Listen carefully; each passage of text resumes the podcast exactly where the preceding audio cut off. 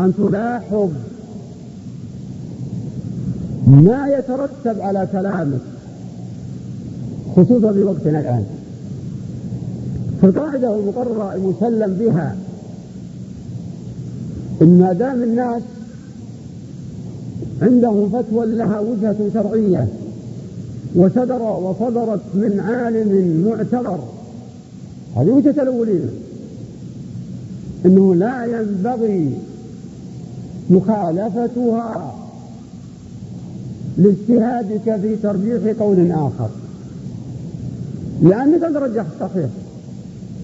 لكن هل تجزم أن ما رجحته أرجح مما أفتي به؟ فإذا قال لا نقول إذا ظهورك بهذه الفتوى اللي يفتي بها وانتشرت هذا يفسد ويحدث بلبلة عند العامة ما يدرون يدرون ولربما بسبب هذه النقطة يظهر شيء من البدع وهي المعتقدات. فهذا ينتصر لهذا وهذا ينتصر لهذا. وإذا جاء الانتصار للأشخاص أو للأهواء جاءت البدع. في الحاصل الذي أصيب نفسي وأخوة الحاضرين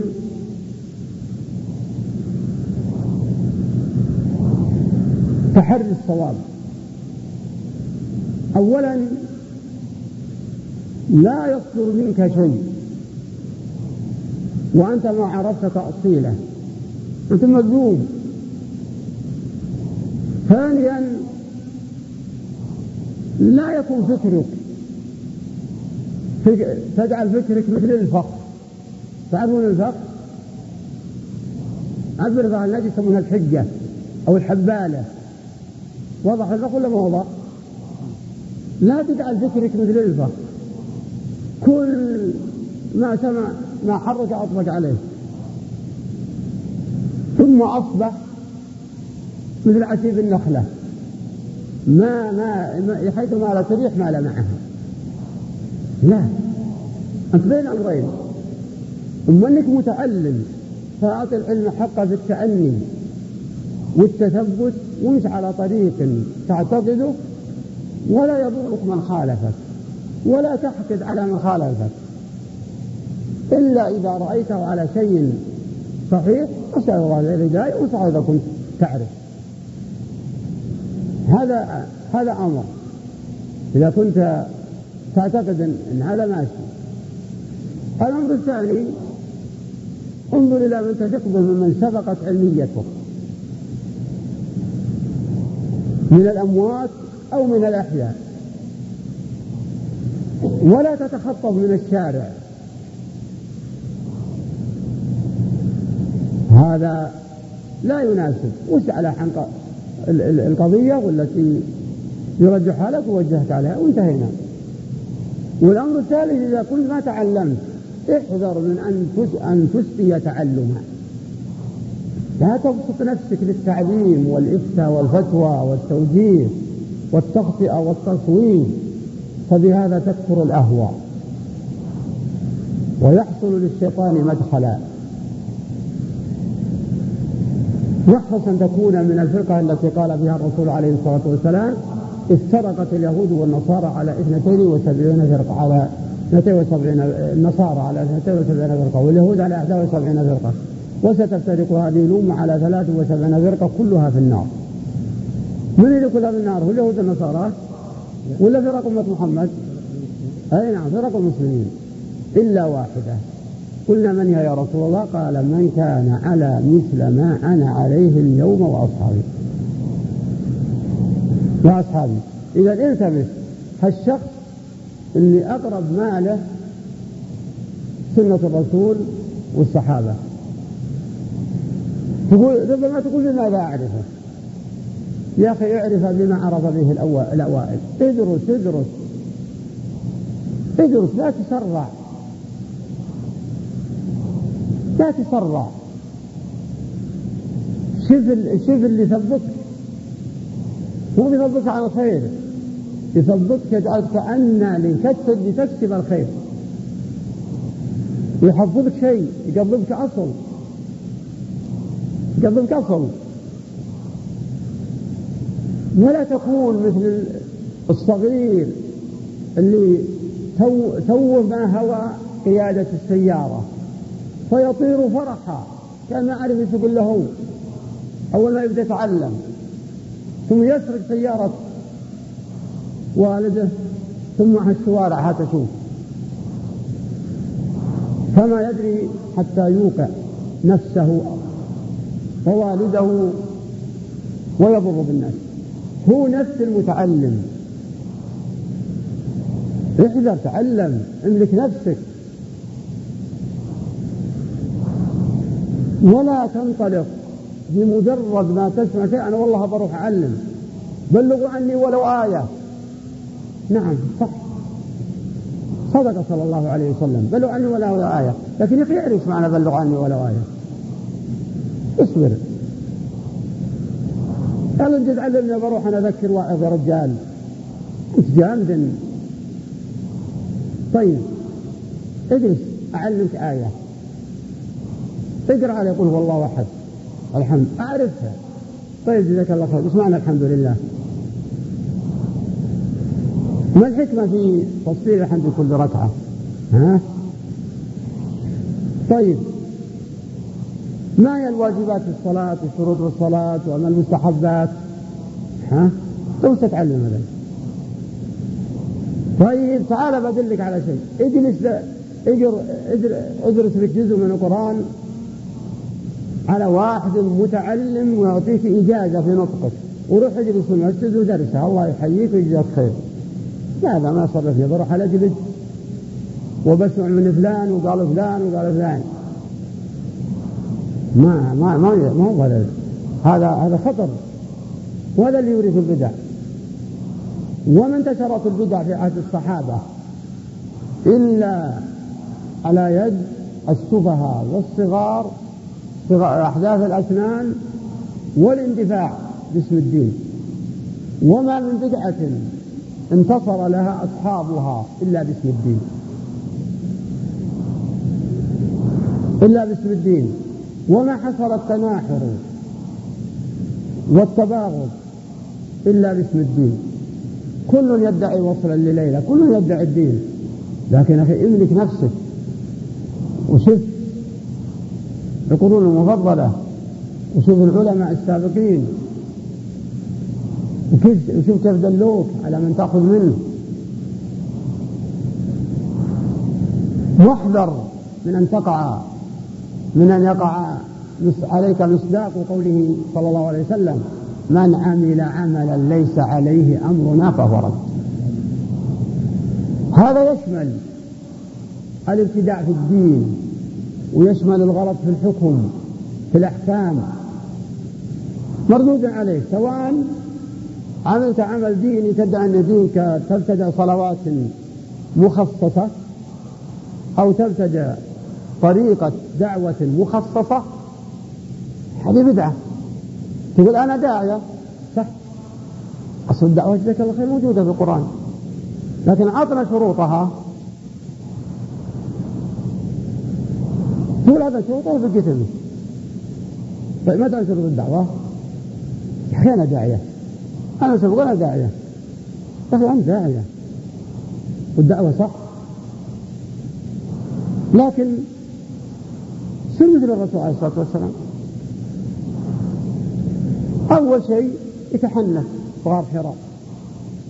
وبعدين نزلت عليه سورة اقرأ. ثلاث سنين وهو يقرأها. إنما ما شاء الله بلحظة يلعب بالكورة ومن ياخذ ياخذ كعص الداعي ياخذ الحديث يقرأ على الجماعة في المسجد. وياخذ كذا وصير داعية. يصبح إن شاء الله داعية لا إله إلا الله. مو بعيد. ها صعب ثلاث سنين. وهو اقرأ باسم ربك الذي خلق خلق الإنسان من علق. اقرأ وربك الأكرم الذي علم علم الإنسان ما لم فمن اتخذ وسيلة دينية من قبل القراءة وقبل العلم فليخشى من أن يدخل في طريق المبتدعة. اقرأ باسم ربك الذي خلق. بماذا أمر الله نبيه؟ في القراءه ولا لا؟ اقرأ باسم ربك الذي خلق. خلق الإنسان من علق. اقرأ وربك الأكرم الذي علم علم الإنسان. طيب. أخذ الرسول يقرأ ثلاث سنين. ثم بدأه بما جاء في الإشارة علم الإنسان ما لم يعلم. ذكر محمد بن عبد الوهاب في مختصر السيرة على هذه الآية ما يقارب عشرين فائدة. أما لإخوة أن يرجعوا لها في مختصر السيرة لعبد الله بن محمد. ثم نزلت الآية الثالثة آه، الثانية. يا أيها المدثر قم فأنذر في العلماء يسمونها آية تقرأ آية العلم. ويا أيها المدثر آية العمل. آية العمل. ثم بعد ذلك تتابع الوحي وتدرج شيئا فشيئا. وهكذا المتعلم. ولم يبدأ الوحي للرسول عليه الصلاة والسلام إلا في سن الأربعين. فيؤخذ منه التمكن للعقلية. التمكن للعقلية. الصغير قل له جزاك الله خير سر داعية. لكن كل داعية بما يستطيعه اجلس درس قرآن خيينك درس إخوانك. درس أحد من جماعة القرآن لفظ القرآن. بس درس قرآن هذا دعوة. استقل في صلاتك ودراستك وبرك والديك. هذه دعوة لربعك وزملائك هذا ربعك وزملائك. من عمل عملا ليس عليه أمرنا. فيشمل هذا الحديث الإحداث في الاعتقاد والإحداث في طرق الدعوة والإحداث في طرق التعليم أيضا. حتى الإحداث في طرق التعليم.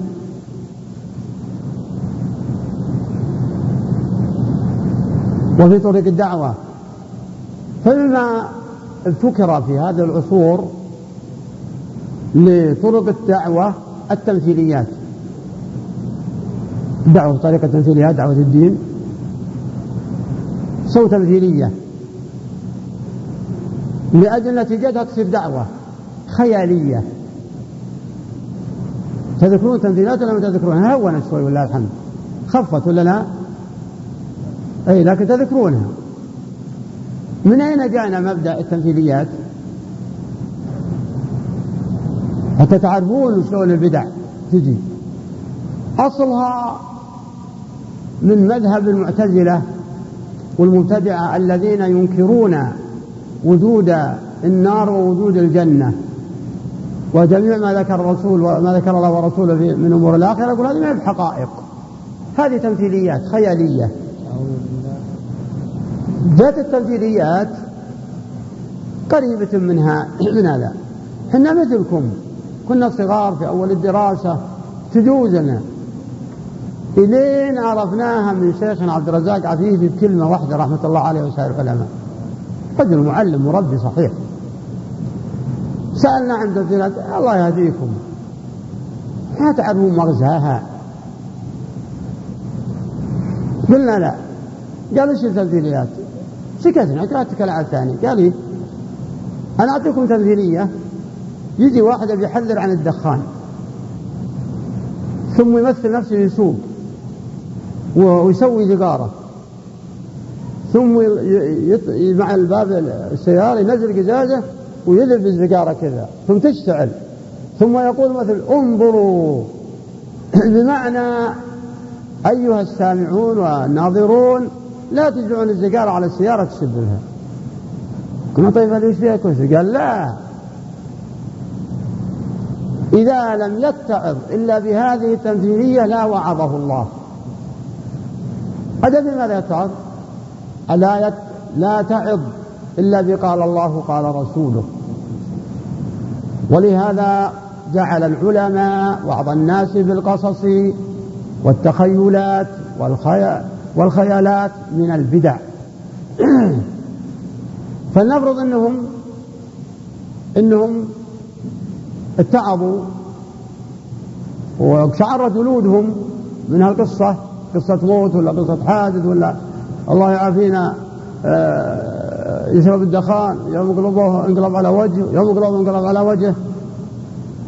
هل اتعظ قال الله وقال رسوله افرض أنه اتعظ وترك الدخان لكن آه، من روعة هذه القصة ما ما له ما له قيمة اتعاظه كونه مجرد ترك.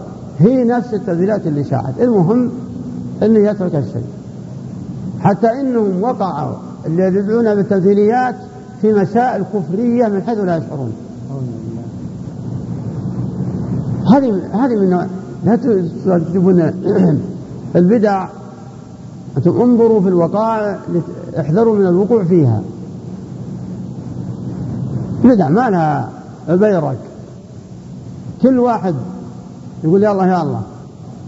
من اللي يقعوا فيها؟ طيب. الأخ عبد الرحمن يذكر عنده أسئلة لكن أحاول إن شاء الله تعالى في دقائق اختتام الكلمة فأقول يا إخوان أعود الكلمة أن البدع ليست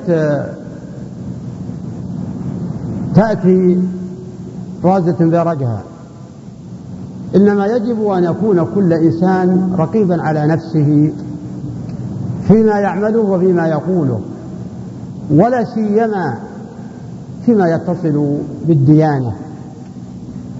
ديانة ما هي بالسهلة ما هي بالسهلة الديانة وكذلك في العمل. لكن الأعمال قد تكون يق... نحاصل وعارف أنها معصية. هذه معصية تحت مشيئة الله.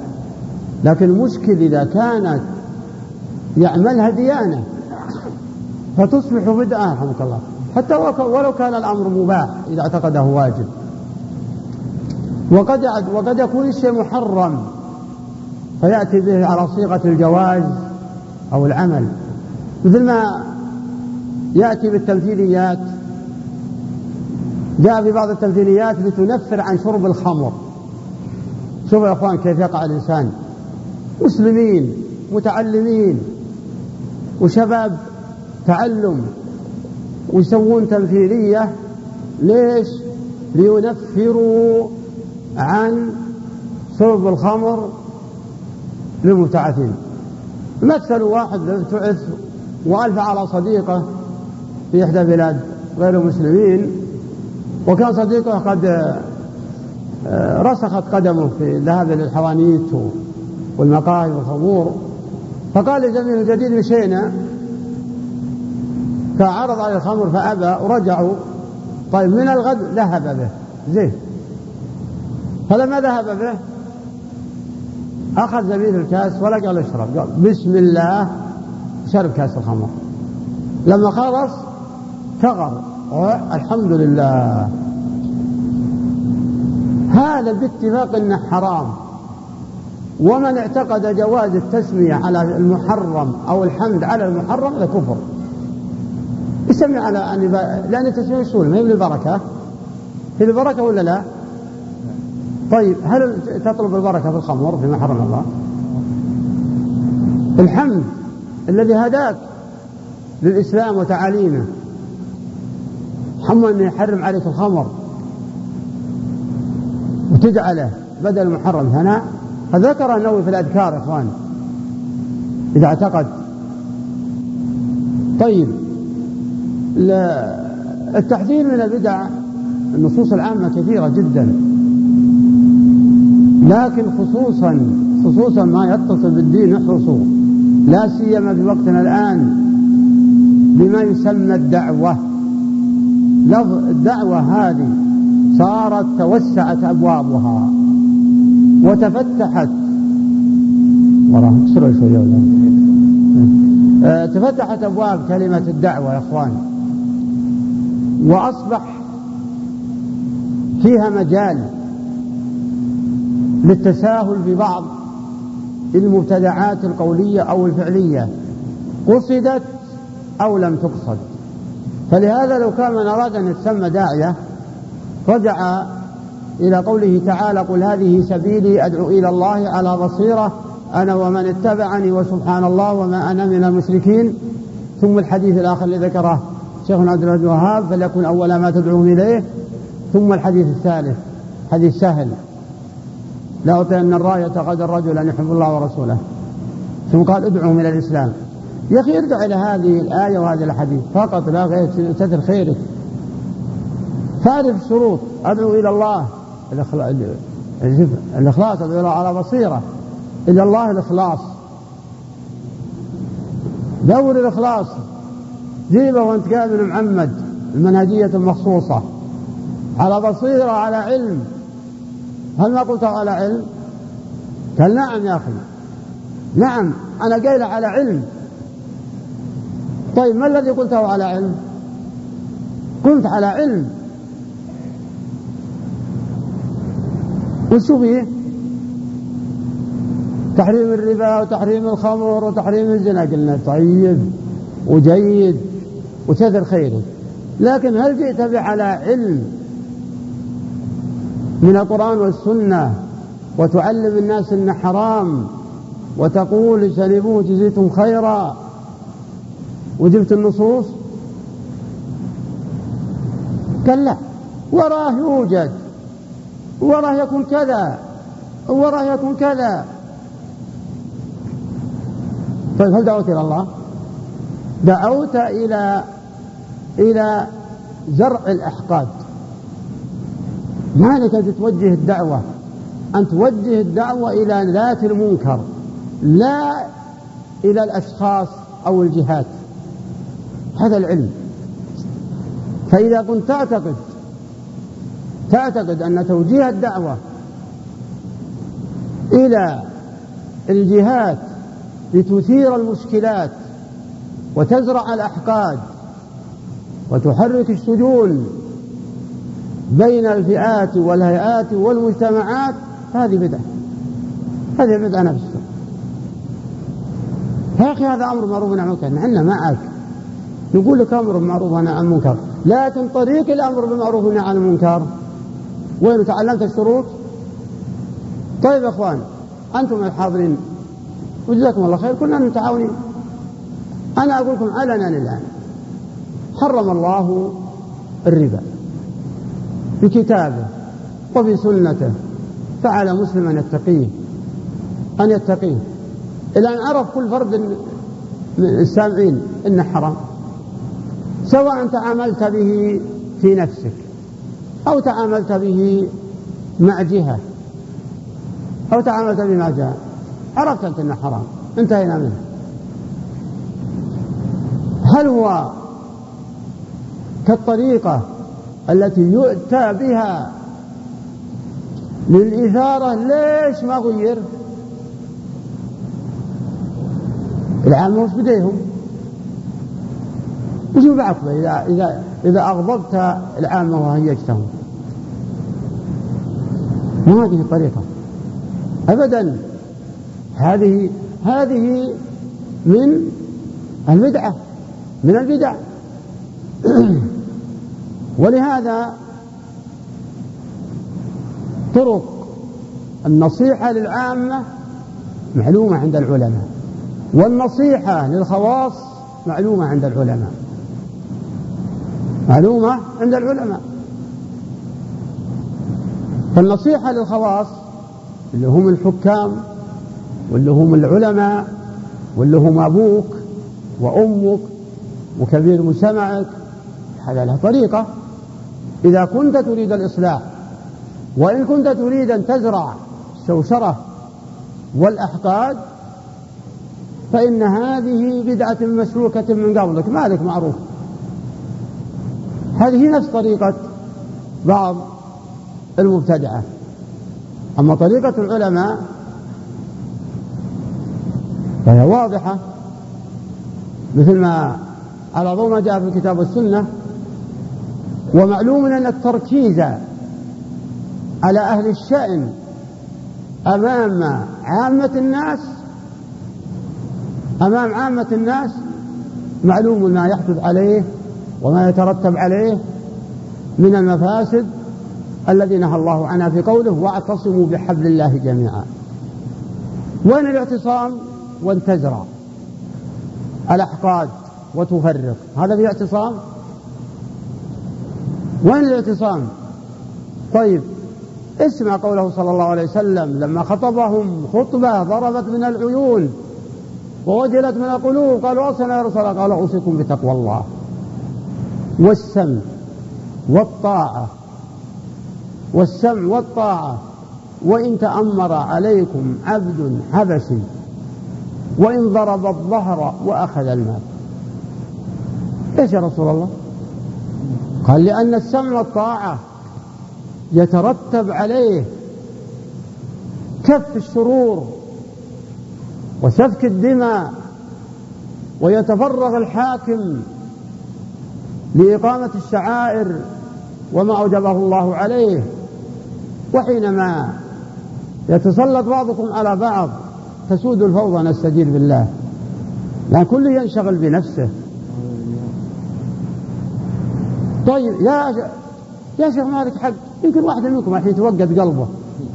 الحين يا رجل لا طاعة لمخلوق ما ستر خالقنا طيب. أحسنت. احفظ لي الحديث هذا امسكه. لا طاعة لمخلوق لكن اعرف السوء. عرفت معناها لا طاعة لمخلوق بمعصية الخالق. يا حبيب إذا جلمت الحاكم أو أبوك أو واحد ثاني أو زميلك أي زميلك تبي تطيع الله إن شاء الله. وقال خذها البنية يذنبها على عيك لا طاعة لمخلوق معصية الخالق. خذ كأس الخمر اشربه طيب يكتب مديرك تعال صب لي هالخمر. صب لي كأس الخمر. قال لا والله اسمح قال اسمح لي. تجي تخيرها الخمر ماني بخادمك شيء اسمح لي. أبى أصب لك شاهي. صب لك عصير بردقان صب لك موية. يا حبيبي رجع تفسير كلام العلماء. مجرد ما يحصل معصية معصية تطبق عليها عموم نصوص ما فهمتها هذه بلية الخوارج جت من الطريق. تخرجون حاكم حاكم معصوم يستطيع أحد يا أخوان؟ يستطيع أحد سيخرج حاكم معصوم طيب هل الرسول جهل أن سيخرج حكام؟ ظلمة؟ لا نص الحديث وإن ضرب الظهر وأخذ المال. اصبر كونه أخطأ عليك. ولم أن أخطأ عليك نصيك مصلحته العامة. أي مصلحته العامة؟ ولا أي خطأ عليك أنت؟ طبق هذا الإمام أحمد. يضربونه بالسواك يشل جلده دم. ويقول ادع عليه يقول لا لا لا. لو علمت أن رداء سجد لصرفتها لولي الأمر. إذا وش معنى الاجتماع اللي اللهم الرهبة؟ أمر الاجتماع كود يطيعك الحاكم كود ينزل على رغبك. ولا تبي تسب؟ تبي توغر الصدور أسأل الله العافية. من يعني من هذا القبيل. إن الاجتماع يقول أن تعاون أمور ظهرت ولا والله ما ود الناس يمثلون شيء لكن برزت كان في مجلس وبعدين جاء مجتمع وجاء واحد كبير السن. يعني ما كان يحلم من واحد بهذا السن من أهل النجد تبي تدخل على الأفكار لكن مساكين يظنون دين أريكم أن الابتداع مو سهل والتسمي بالدين مو سهل له قابلية. وفي أحد الخطباء حصل عليه من كلامات. أزعلت الحاضرين وطلعوا. بلا شك. زعلانين. خطبة الجمعة وش مفروضها؟ كما قال العلماء أن يخرج الناس متحابين متآلفين. لأن موضوعها تحبيب الله إلى عباده وتحبيب العباد إلى الله والتخويف بالله وباليوم الآخر والتذكير بأيام الله والوعد والوعيد. ولا مانع أن يبين حكما مما انتشر ثم يركز على النصوص اللي عنه فيخرج الناس متحبين هذا لا. طلع الناس. ما يحلف بالعكس. يقول عاد والله يا فلان يبكي. هم مجلس. شوف كيف وصل الأمر. يبكي يبكي. وش علمك يا فلان؟ ليش؟ يا والله يا أخي هو قال كلام كلام. حقيقة إنه كلام. ما خلى شيء الخطيب. طيب. هل هذا أصاب السنة في خطبات الجمعة؟ طبعا لا. وش بعد؟ قال والله لا تأمن إنه المس العلماء إيه والحكام. مثل المشايخ والحكام يحط رأسه. أعوذ بالله. أصبحت البدعة طاعة نسال الله السلامة. عاد نصح. قال ها والله ما أدري. ليس الحكام ولا ليس المشايخ على رؤوس الأشهاد هذه طاعة. هذه من البدع. من البدع الشينة الله يكفي شرها. هذه هذه أمرت بدع الخوارج نستجيب بالله هذه أمر الرسول عليه الصلاة والسلام ستأتي أئمة هم لك الحمد إحنا ما جتنا تلعنونهم ويلعنونكم وتبغضونهم ويبغضونكم. قالوا يا رسول الله ألا ننبذهم حين قال لا لا ما أقاموا بكم الصلاة. طيب ما أقاموا بكم الصلاة؟ أنبياء أنا كل هذه. ما أقاموا فيكم الصلاة. تسمى بك معصوم يرجع. لازم الإنسان يرجع والخطيب الذي يتكلم مع الناس يتورع. عن كلمته تطلع للناس. وش فيهم مساكين وين الأمر بالاجتماع؟ ولهذا قال العلماء من أصول الجاهلية الإشراك بالله وعدم لزوم الجماعة. وهذا أصل من أصول السنة. بل واجب إخلاص العبادة لله ولزوم الجماعة وإن ضرب الظهر وأخذ المال. للصحابي اللي قائد السرية قال أمرهم الرسول بالطواعية للأمير. زين يوم طلع ورح في الحفرة وشعلها نار. قال قال لهم القائد يلا طيحوا بالنار. الصحابة اللي معه قال الرسول تطاوعوا طيعوا أميركم ما فيه. والله بعضهم جاي بيطيح بالنار رضي الله عنهم وأرضاهم شوفوا الامتثال. جاء واحد وقف قال اصبروا ليش خرجنا نجاهد؟ قالوا طبعا نبي الجنة ما نبي النار. قال ليش مثل في النار؟ ارجعوا لرسول الله. شوفوا الفقه يا إخوان. فرجعوا لما رجعوا واخبروا الرسول. قال عليه الصلاة والسلام لا طاعة لمخلوق في معصية الخالق. يعني قالوا طيح منا قالوا إحنا نطيح لكن بشأن الرسول. ليش يقول بشأن الرسول؟ أخذوها منين؟ من قوله تعالى وإذا جاءهم أمر من الأمن أو الخوف أذاعوا به ولو ردوه إلى الرسول وإلى أولي الأمر منهم لعلمه الذين يستنبطونه منهم. ولولا فضل الله عليكم ورحمة لا تعطوا الشيطان إلا قليلا. تجيب أمور عامة الشرع. على عامة الناس فد الأمور إلى أهلها. ما عرفت يا أخي؟ اسكت. إذا كنت تريد خير. أما اللي يستمع يتنشنش بخصمه سمعه ثم ينشر ما به فضيحة في المجتمع المسلم ويحب ذلك هذه من أمور البدع. بدع ما ينترز بيرج وش ومن أكبر البدع حب الافتراق بعد الاجتماع. اجتماع هو أمره السهل هو أمره السهل والاجتماع المراد به تأليف القلوب بين الحاكم وبين المحكوم وبين الوالد وولده وبين المدير والمدرسة كل على حسب حاله وبين الزوج والزوجة كل لولاية خاصة. فإذا حدث شيء عام شو نتعالجه معه؟ ما تقدر لا تحدث ما هو أفسد من ذلك. لا تحدث ما أفسد من ذلك. ولهذا الأمر بالسنة لا تحصى دلائله. من باب يعني ذكر بعض العلماء. يذكر أن رجلا ذهب إلى أحد الحكام فنصحه. فخرج. ما درى عنها أحد. لأن الرسول قال نصيحة. لا الأمور. نص الحديث عندكم. نصيحة فرق يا إخوان بينه وبين المطالبة. تجي قدام الحاكم أو الأمير الصغير أو الشيخ أو أي واحد الأمر أو أبوك أو أو زوجة زوجة وتخاصمه لا. وطالبه. لا. اللي لا أمر عليك صغير أو كبير مناصحة. إن طاعك ولا مالك مالك عليه سلطة. نصح العالم وطلع ولا ميت جوع. ومر على زباله وقم يقلب فيها.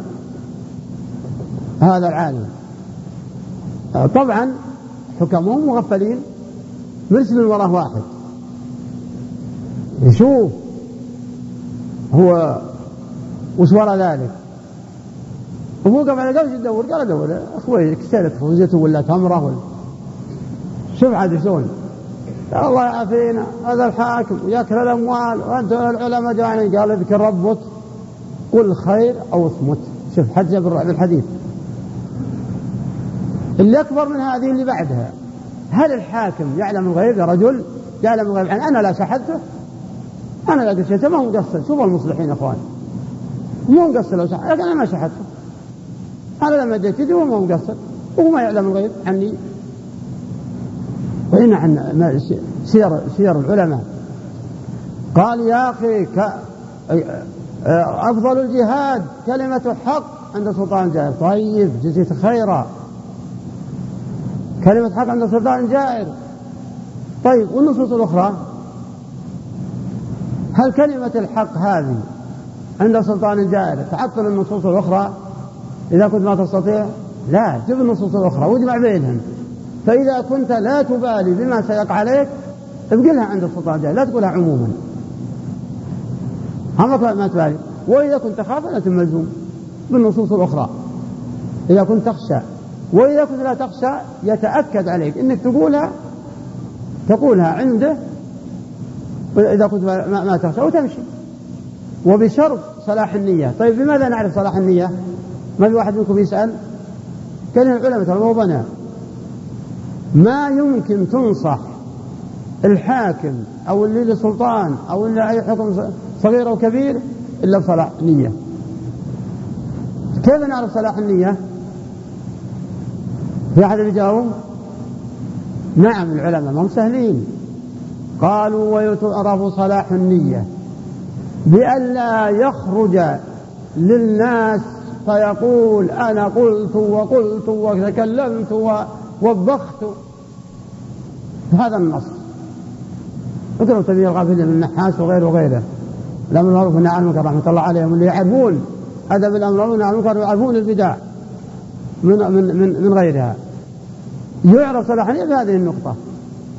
حما الإنسان اللي يدور أنه جري وأنه قال ما هذا هذا من قد تكون من أنواع إذا صار هذا هذا مراده. ولهذا عوام أهل نجد يعرفون البدع بقلوب لو ما عرفوا يتكلمون بالحجة. وأختم القصة مثلا القصة واقعية. كان جاء دور لتمثيل في المدارس. سنة أول ولله الحمد. وكان جعلوا للأمهات مدارس الأمهات تمثيلية. وجاء ومثلوا معرسه وعريس. طبعا هو جاهم رجال لكن لبسوا امرأة ثوب رجل وشماغ وعقاب. وجلسوا واحدة على نال المعرسة. هذه تمثيلية. وجابوا عندهم عجوز. ما تقرأ ولا تأخذ ولا تعرف الألف.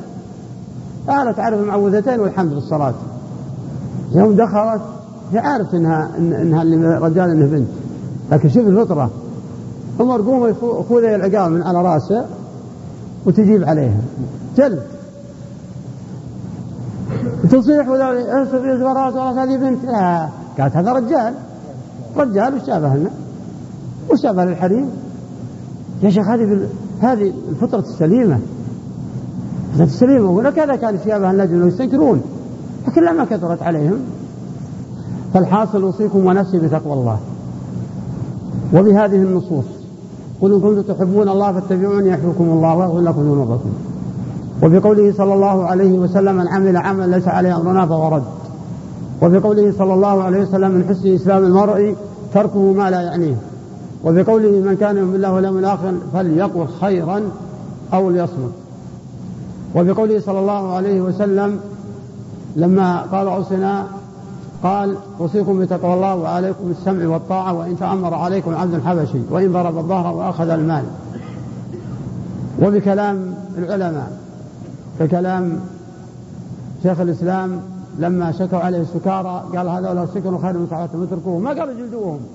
لا يدري إذا قام عليهم وانكر عليهم وطقوهم. وتكلموا وجاهم سينشهد والإمام أحمد يقول لو علمت أن لي دعوة مستجابة لصرفتها لولي الأمر. ولما قيل إنه ظالم قال لستين سنة يقول بعض العلماء لستين سنة بإمام ظالم خير من ليلة بلا إمام. يا أخوان أجل أجل الحكم له عن ستين سنة بإمام ظالم يضرب الظهر ويأخذ المال ويسجن خير من ليلة بلا إمام. لا نسأل الله السلامة الوضع بالساعة الواحدة في ولهذا يقول عبد الله بن المبارك من الوصية بالاجتماع والنهي عن التفرق ونص لولاة الأمور. مجرد نصح لا مطالبة. ولا سمعتم مطالبة. شيلوها من أذهانكم. لا تغترون باللي يعبرها ترى هذه لفظة هذا تخدم مبدأ الخوارج. لأنهم هم الذين يرون الأمر المعروف عن المنكر مطالبة. أما أهل السنة والجماعة يقولون لا نص نصيحة لولي الأمر. انطاع ولا ما عليك منه؟ ما بدك حيلة. نصيحة. وفي شأن والكناني تعرفونه اللي قام بال اللي ألف الحيدة. جاي من مكة لبغداد. شوفوا يا أخوان. ويوم راح وراح يسب ويقوم على الجماعة المأمون اللي يقول بخلق القرآن؟ وش قال؟ قام بالمحراب. فقال تكلم سلم بالله وقال بسم الله الرحمن الرحيم إلى أن قال وبعد أشهد أن لا إله إلا الله وأن محمد رسول الله وأن القرآن منزل غير مخلوق منه بدأ وإليه يعود. بس. ما تكلم بالمأمون ولا جاء المأمون ولا ترى المأمون تكلم بالنقطة نفسها. وهذه تخدمنا بالنقطة اللي أنا قلت في الأولى إذا أردت أن تتكلم بحق يفعل حس عليه. بمنكر خص على هذا المنكر ليجتنب. وحذر عنه بالنصوص. هذه طريقة. ها المأمون استدعاه.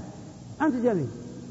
اعمل عمل هذا. أنكر المعصية بذاته. استدعاه وحصل ما حصل من المناظرة بينه وبين بشر المريسي وطلعت هالكتاب اللي يسمونه كتاب الحيدة وعبد الله بن مبارك الأئمة يقول إن الجماعة حبل الله فاعتصموا منه بعروته الوثقى لمن دانا. كم يدفع الله بالسلطان معضلة؟ رحمة في ديننا رحمة منه ودنيانا. لولا الخلافة. وفي رواية لولا الولاية لولا الإمارة. لم تعمل لنا سبلا. لم تعمل لنا سبل وكان أضعفنا نهبا لأقوانا.